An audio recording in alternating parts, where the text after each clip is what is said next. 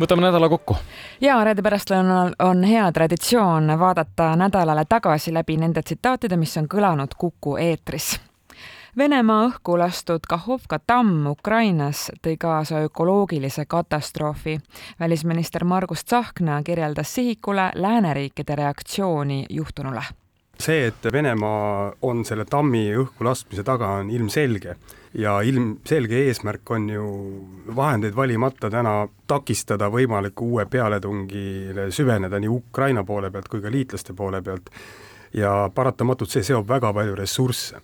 ja see on tegelikult ka sõjakuritegu, oleme ausad, see ei ole seotud äh, nii-öelda sõjalise tegevusega, vaid see on ka otsene kuritegu nii-öelda rahulike tsiviilelanike vastu, ma loodan, et see on väga hästi dokumenteeritud, kui vaja, me abi anname sellel kombel, nagu Eesti saab seda teha siseministeeriumi siseauditi osakonna juhataja Tarmo Olgo tutvustas sel nädalal endise politsei peadirektori Elmar Vaheri kriminaalasjaga seotud Politsei- ja Piirivalveameti ja Kaitsepolitsei personalitoimingute suhtes läbi viidud teenistuslike järelevalve tulemusi. Olgo rääkis Kuku pärastlõunale, millised on edasised sammud.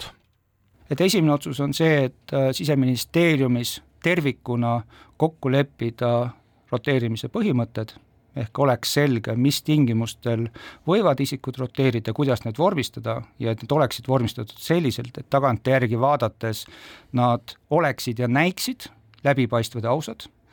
ja teiseks on ta teinud Politsei- ja Piirivalveameti peadirektori ettepaneku, et lõpetada need kehtivad rotatsioonid ja kaotada Politseiameti struktuurist need kohad, kus need äh, näiliselt ametisse võetud isikud täna töötavad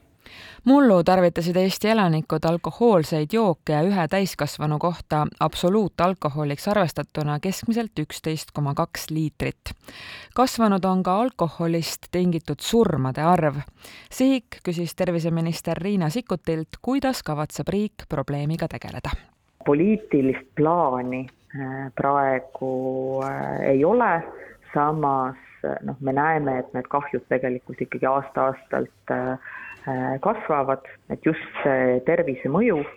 nüüd Eesti koos teiste Balti riikidega tegelikult on päris huvitav selline loomulik eksperiment ka rahvusvahelisel tasandil, et ega Eesti ei ole üksi olnud oma alkoholipoliitikas muudatuste tegemisega, on see siis äh, reklaamireeglite äh, karmistamine või, või aktsiisitõusud või langetamised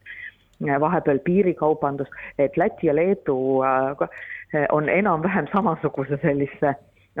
Ameerika mägede tee läbi käinud ja tegelikult on näha, et suhteliselt kiiresti alkoholi tarbimine ja sellega seotud kahjud reageerivad poliitilistele muudatustele. ükskõik siis, kas need on äh, karmistamine või leevendamine ja noh, see tegelikult noh, nagu annab julgust, et kui on soovi midagi teha, siis on võimalik ka see võit sealt kiiresti kätte saada haridus- ja teadusminister Kristina Kallas on kohtunud kohalike omavalitsuste juhtidega, et selgitada välja, milline on valmisolek minna üle eestikeelsele õppele. Kallas rääkis äratajale, mis teda Tallinna puhul üllatas. Tallinna linna kõige suurem väljakutse on lasteaiad isegi mitte niivõrd koolid, sest mulle kinnitati, et esimeste ja neljandate klasside üleminek on kindel, seal on õpetajad olemas, seal on plaan olemas, aga mure on neil lasteaedadega, sest äh, nii-öelda asendamist vajaks äh, ligi kuussada lasteaiaõpetajat, kes täna ei vasta eesti keele oskuse nõuetele ja kes ei suudaks esimesest septembrist eesti keeles rühmi juhendada, mis oli natuke üllatus mulle, et, ähm, et noh, tõenäoliselt ikkagi see lasteaedades eesti keele olukord on oluliselt halvem, kui me arvasime sellepärast et pluss üks eesti keele õpetaja projekt kestab juba kolm või neli aastat, kui ma ei eksi, ja siis see selgub nüüd siis ometigi, et ikkagi ei ole seda eesti keelt seal lasteaiarühmades. Et äh, oli nagu halb üllatus, aga, aga noh, selle seisu me siis eile Tallinnaga korra läbi käisime, et mis me siis nüüd teha saame selles olukorras, kui meil on aasta aega aega ja meil on kuussada lasteaiaõpetajat, kes, kes peaksid siis, kas neid peaks asendama või leidma siis võimaluse nad ümber koolitada Eesti analüüsib, kas ja mida oleks meil vaja, et rajada oma tuumajaam. tuumaenergia töörühma koordinaator Reelika Runnel tutvustas äratajale, mis ajaks peavad olema otsused tehtud töörühm peab Vabariigi Valitsusele esitama oma töö tulemuse lõpparuande käesoleva aasta lõpuks. suve lõpuks peaks olema meil selle aruande koostamiseks olemas vajalik sisendmaterjal, siis valminud kõik nii-öelda vajalikud analüüsid, et seejärel hakkab siis selle lõpparuande